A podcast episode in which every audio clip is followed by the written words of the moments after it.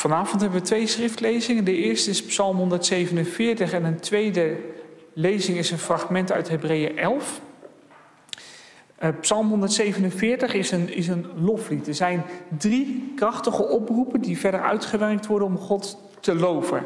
Je leest dat in vers 1, vers 7 en vers 12, die oproep om God groot te maken.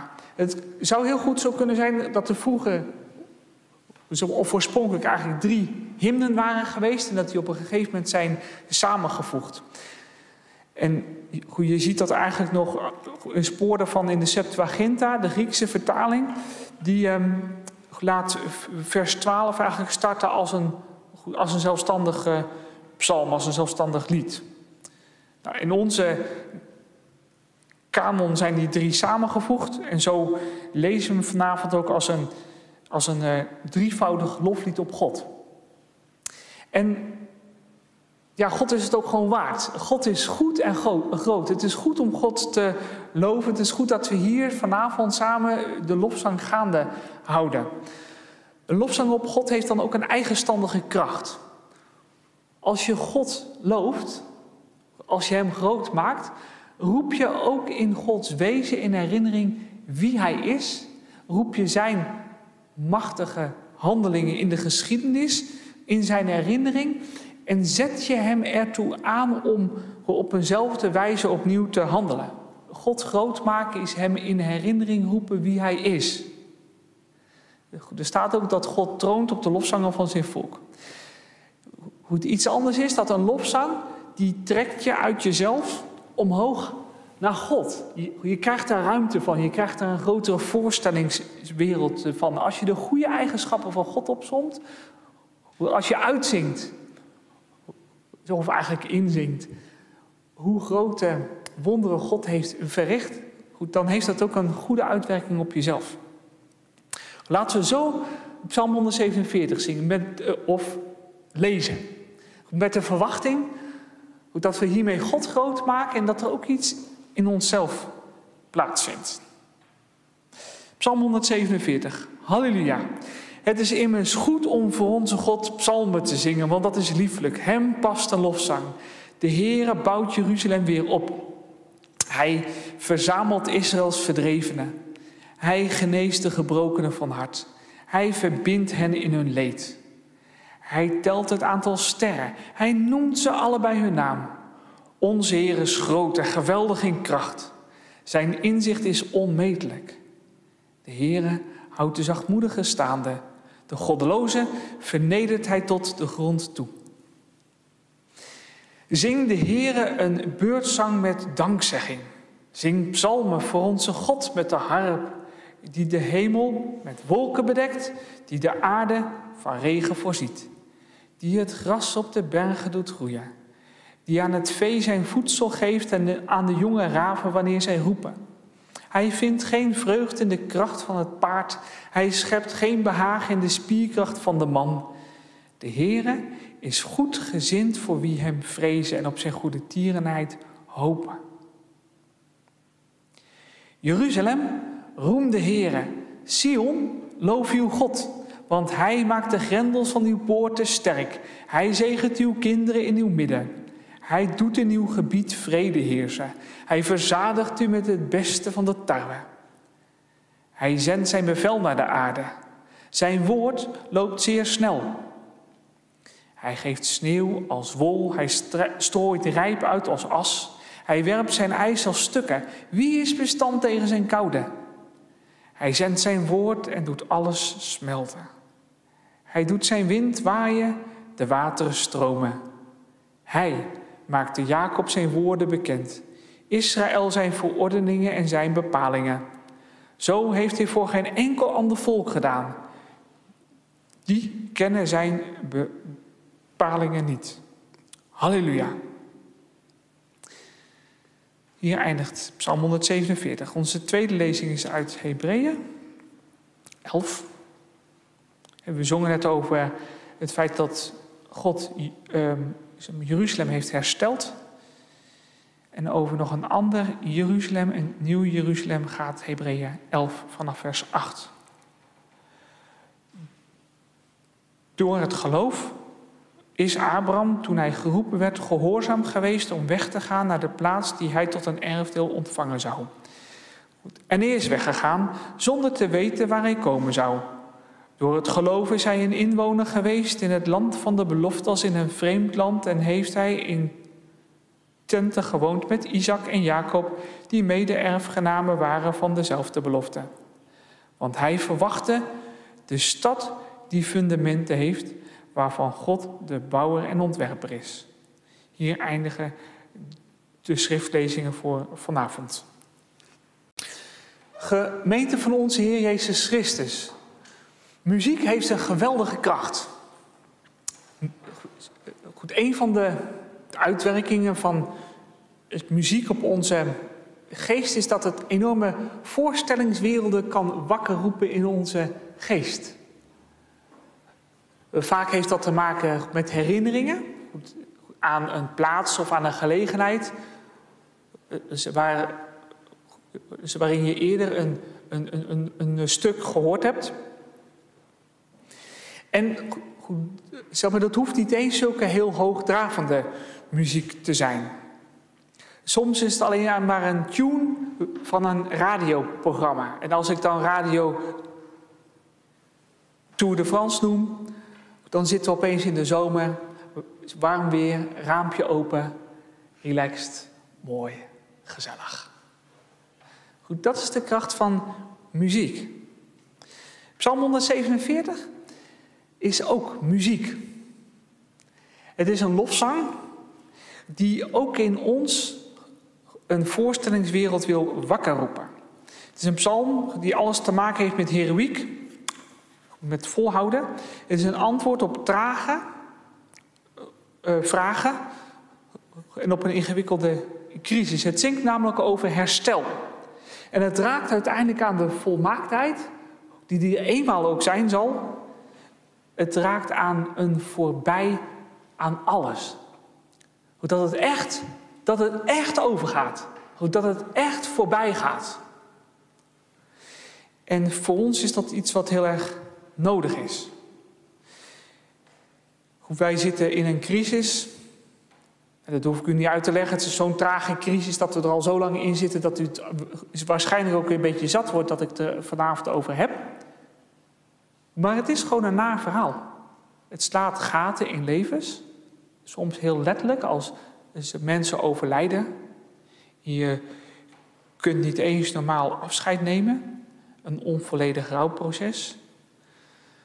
Maar ook minder zichtbaar zijn de gaten in de gestalte van eenzaamheid. En ook lusteloosheid en zinloosheid. Onzekerheid over je inkomen zuigt veel energie weg.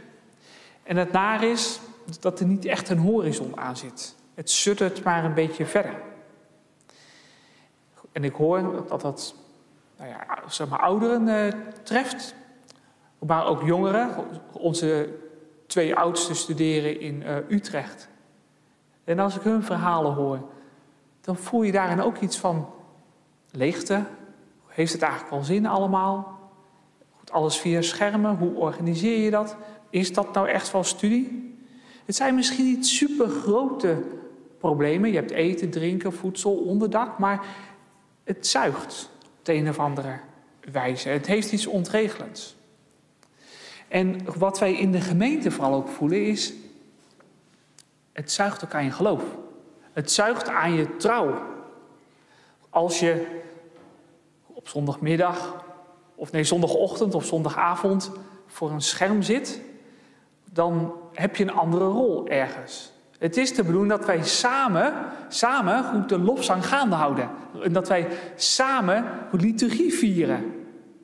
En als je achter een scherm zit, dan heb je meer de rol van de observant.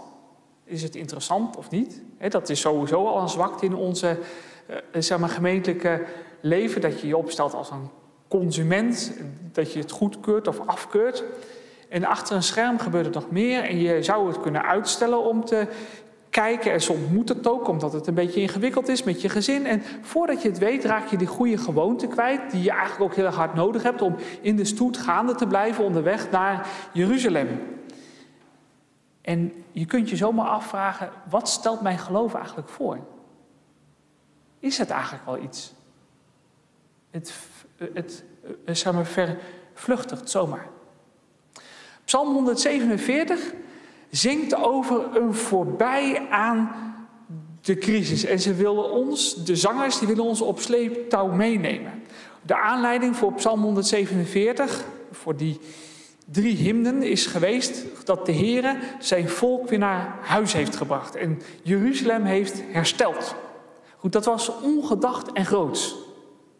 Juist in relatie uh, tot wat eraan vooraf ging. Een van de meest ingrijpende crises ooit in Israëls bestaan. Werkelijk een ramp. Huizen met vuur verbrand. Gesneuvelde mensen. Vermoorde mensen. Slaafgemaakte mensen.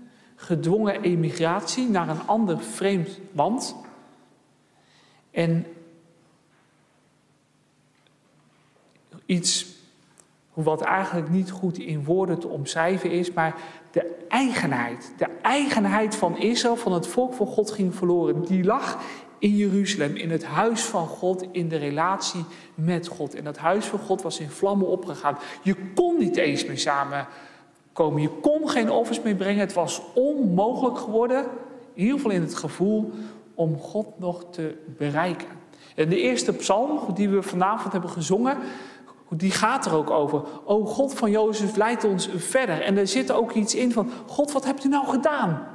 Hoe had u dit kunnen doen? U hebt een edele wijnstok uit Egypte overgeplant in Canaan. Heeft daar een mooie heg omheen gemaakt. Er enorm goed voor gezorgd. En nu heeft u een gat gemaakt in die heg. En de zwijnen zijn er doorheen geroust en er is niks van over. Wat hebt u gedaan?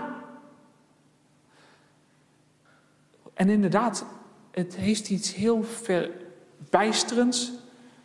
Dat God niet meer verder leek te gaan met Israël. En God heeft na 70 jaar een einde gemaakt aan die ingewikkelde, ingrijpende crisis. God herstelt Jeruzalem. Hij heeft haar muren weer hersteld. En er is weer een huis van God in het centrum van Jeruzalem. Wat God heeft verricht aan zijn volk, daar zongen ook de tweede psalm over, hoort in de, unieke, in de rij van de unieke grote daden van God. Vergelijkbaar met de Exodus, met de uittocht uit Egypte. Een moment waarop je Gods hand in de geschiedenis kunt zien. Een echte omkering aangekondigd, door de profeten en werkelijkheid geworden, concrete, ervaarbare werkelijkheid in de levens van mensen. En ja, naar aanleiding hiervan is die psalm ontstaan als respons op Gods handelen. Een lied van mensen die over de finish zijn gekomen, die een voorbij aan ellende hebben gezien.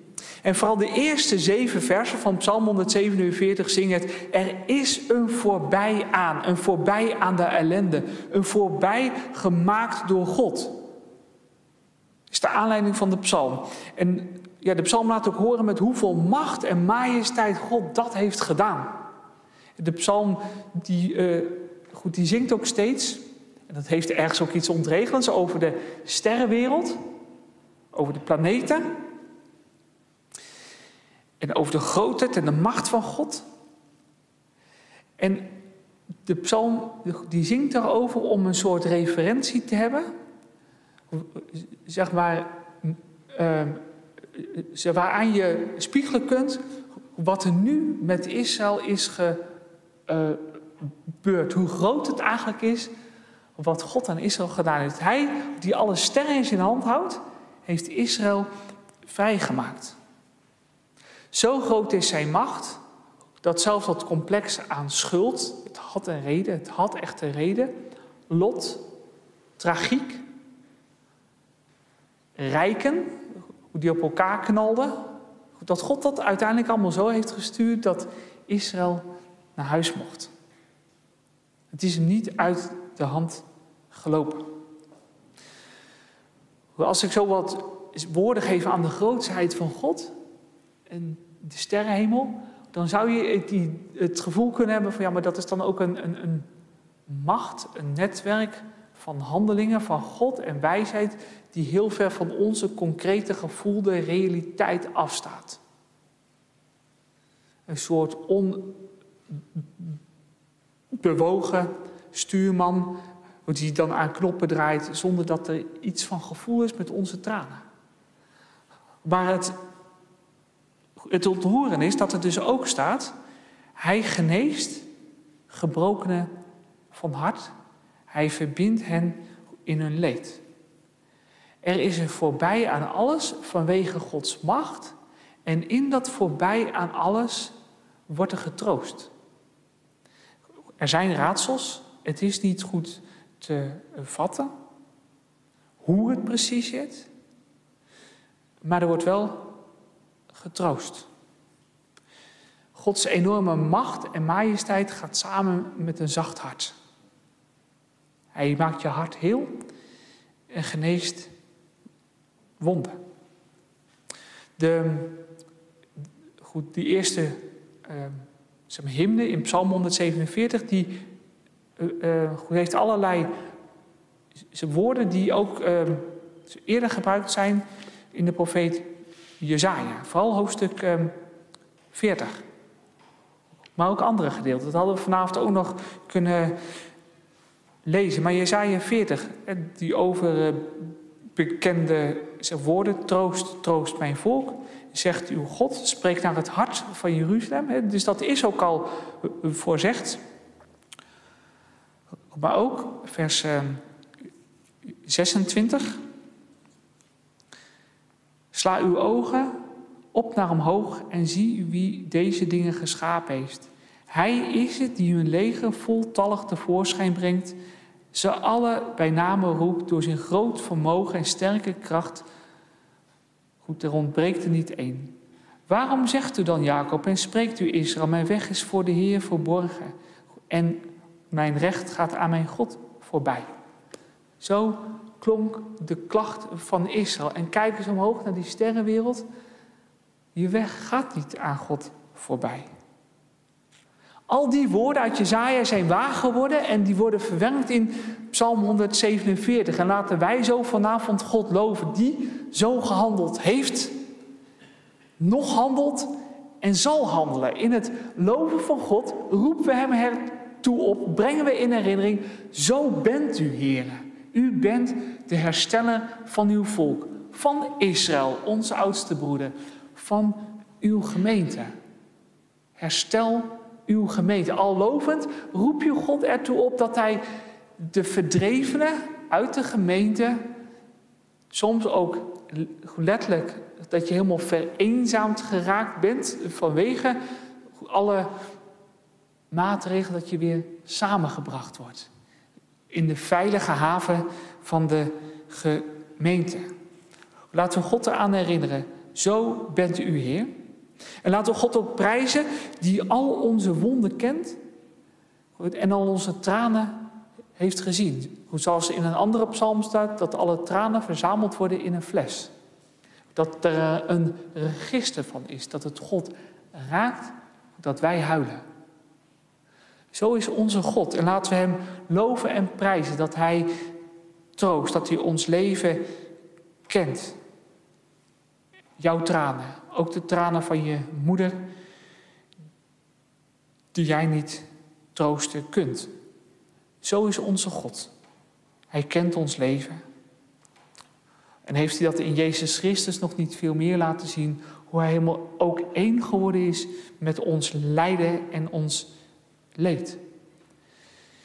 En die laag van het hier en nu, waarin God zegent en het goede laat zien, je leven zinvol maakt en weer uitzicht geeft, die zit echt in deze psalm. Juist ook die laatste hymne, vanaf vers 12, die laat dat heel praktisch klinken. Het gaat over veiligheid, het gaat over vrede, het gaat over kinderen, het gaat over eten, het gaat over alles wat een mens nodig heeft om op aarde te kunnen leven. Dat geeft God. Zo mag je het horen en zo mag je het ook zingen. God, onze God, zegent ons. Met veiligheid. met uitzicht, horizon, met voedsel. Zo God loven als degene die zorgt voor het leven van elke dag.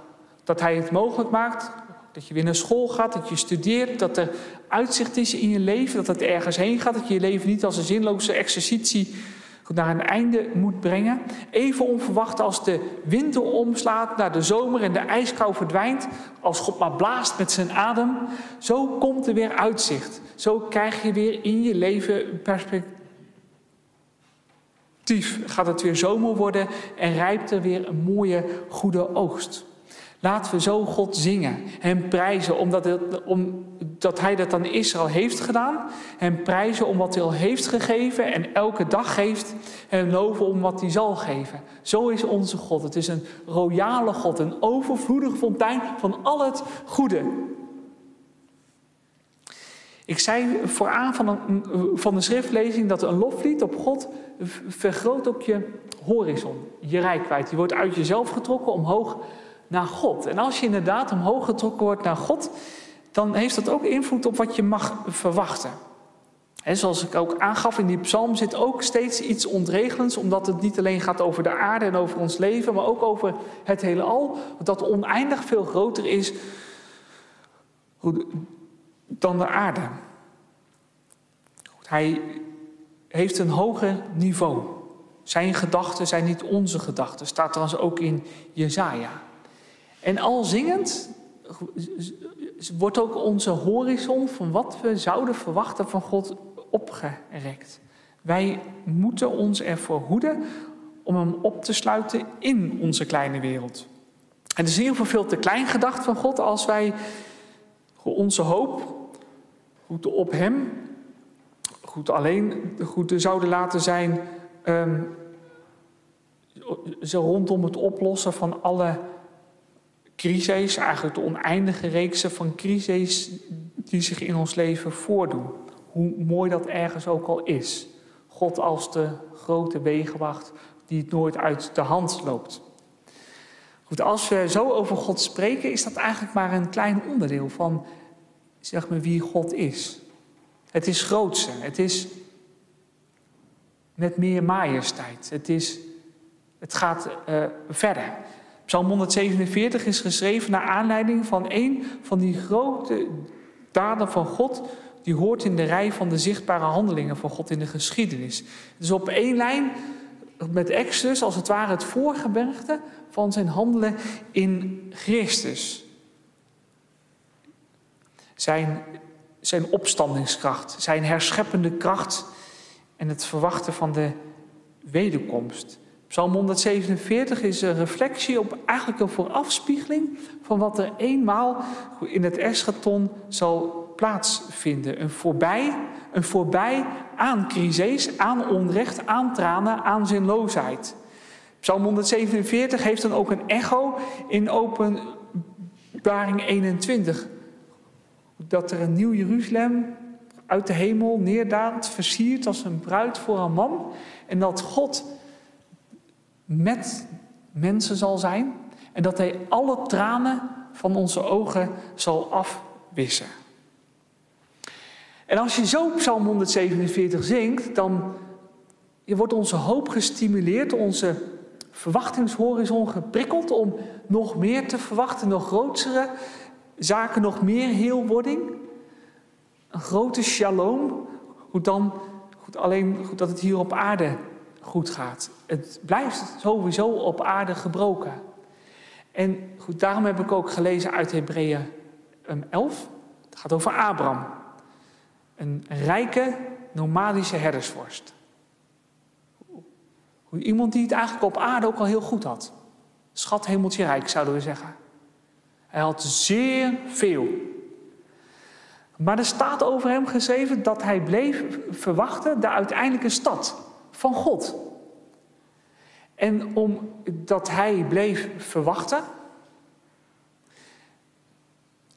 um, zeg maar, lezen we over hem en is zijn leven niet ergens in het stof van de geschiedenis verdwenen. Zijn leven werd uiteindelijk gestempeld door hoop. En hoop is schaars. Ik zeg maar, ehm, ik hoorde of ik dat, dat een van de kenmerken is van onze samenleving. Dat we het heel erg druk hebben, maar als die druk wegvalt, dan is het alleen maar verveling, omdat we eigenlijk niet meer goed weten waarom we er zijn of dat we ergens heen zouden werken. Er is geen ideaal, geen horizon om één te leven en dat is eigenlijk alleen maar geld verdienen en hier het zo leuk mogelijk hebben. Dat is eigenlijk een heel kaal, verschrompeld leven. En dat geldt ook voor gelovigen, geloof ik, ergens wel eens. Dat het, ja, zeg maar, is misschien alleen dat je ziel straks in ieder geval ergens redelijk rust zal vinden. Maar de verwachting van een nieuwe hemel en een nieuwe aarde, waarop gerechtigheid woont. Dat er helemaal geen gebrokenheid is, dat er geen zinloosheid is, dat er altijd iets van die oorspronkelijke sprankeling die in de schepping ligt, die je ook soms op een lenteochtend ziet, dat alles openbloeit, dat je de kleuren pracht en de geuren pracht en het geluid van, van, van, van zeg maar, vogels van de schepping in je inademt en dat er lof uit je, zo vanuit je hart goed, zo omhoog stijgt in antwoord op alles wat je ziet omdat God goed is en dat je iets proeft van die goedheid van God. Heel je leven hiervan vol. Ergens gaat het daarom. Hè? God is zo'n oneindige bron van energie, van creativiteit, van vreugde, van kleuren, van klank, van muziek. Hoe wij leven is eigenlijk nog maar een heel smal. Met hoe God het uiteindelijk had gemaakt. En ook al die liefde die daar in hem is, die dan ook gewoon ons hart zo regeert dat er geen angst is, dat er geen. Daar gaat het heen. Uiteindelijk. En het is de bedoeling dat wij daarheen reizen. En als je je de psalm zingt, dat God herstelt. Ja, je kunt dat eigenlijk niet groot genoeg maken in je hoofd. Hoe groot dat herstel zal zijn. Hoe mooi het zal worden. En als we het dan over hebben dat een loflied, eh, eh waarmee we ons uitstrekken naar God. Dus ons voorstellingsvermogen vergroot. Dan raakt het ook aan hoe je jezelf ziet en hoe je je leven inricht en waar je je vertrouwen op stelt. Vooral in die tweede hymne die zitten wat aanwijzingen daarvoor. Die hymne die zingt er onder andere over dat God, hoe die geeft wolken aan de hemel, die zorgt voor regen en hierdoor is er eigenlijk altijd wel genoeg dat er op de aarde groeit. Er is eigenlijk altijd wel genoeg. Omdat wij een trouwe God hebben die altijd wel genoeg geeft. En als je zo zingt, als je zo zingt dat we een goede God hebben die genoeg geeft, dan raak je al een stukje van je kramp kwijt. Dat je zoveel mogelijk verzamelen moet. Als je zo zingt, dan krijg je ook een iets andere blik op de werkelijkheid. Dat het niet allemaal van jou is. Dat je het niet allemaal moet inhalen en in je eigen zak en op je eigen spaarrekening stoppen. Maar dat het eigenlijk van Hem is voor ons. Dus niet voor mij, maar voor ons. En zodoende krijgt dat ook iets onzinnigs. En wanneer je zingt over Hem, die genoeg geeft, dat je zoveel mogelijk gaat verzamelen en schrappen en schrapen. En inderdaad, die psalm die keert zich tegen mensen die al die dingen als vanzelfsprekend inhalen en zich niet afhankelijk weten en ook niet vanuit de afhankelijkheid iets van, van vertrouwen hebben, maar vooral ook opscheppen over een eigen kracht. En als voorbeeld het uiterste namelijk van oorlogskracht, soldatenkracht. Dat is een van de meest uitgesproken eh, zeg maar, manieren om uh, mensen zich te laten gelden. De keerzijde zijn mensen die hem eren, die hem vrezen en op zijn goede tierenheid hopen. Dat staat in vers 11. De Heer is goedgezind voor wie hem vrezen en die op zijn goede tierenheid hopen. En je moet het dan eigenlijk zo zien dat als ze, ze, ze zeg maar in het herstelde Jeruzalem zien, eh, eh, zeg maar zijn en zingen, dan is het eigenlijk hun gevoel of hun conclusie dat juist de mensen die de Heeren zijn blijven vrezen en die zijn blijven hopen op zijn verbondstrouw, zijn goedgunstigheid hebben ervaren. Voor ons die nog onder zeg maar, weg zijn, is dat dan ook een aansporing. Als je nu naar een houding zoekt in de crisis, gaat het om twee werkwoorden. Het gaat om vrezen en het gaat om hopen. Vrezen is ontzag. Dat heeft dan te maken met die sterrenmacht die God allemaal ordent en dat hij inderdaad de geschiedenis overziet. Het heeft ook ontzag in de zin van, ja, maar God is inderdaad ook degene die heer is over mijn leven. En er doorheen gemengd zit liefde. Liefdevol ontzag. Dat je ook heel veel vertrouwen hebt op die zachte kant van God, die al je tranen weet en kent. En hopen. En hopen heeft hier ook de lading van gewoon het kunnen blijven afwachten, omdat je blijft hopen, omdat je het eigenlijk gewoon zeker weet. God is goede tieren. Dat wil zeggen, hij is trouw aan zijn verbond. Hij zal nooit laten varen de werken van zijn handen. Dat is de houding.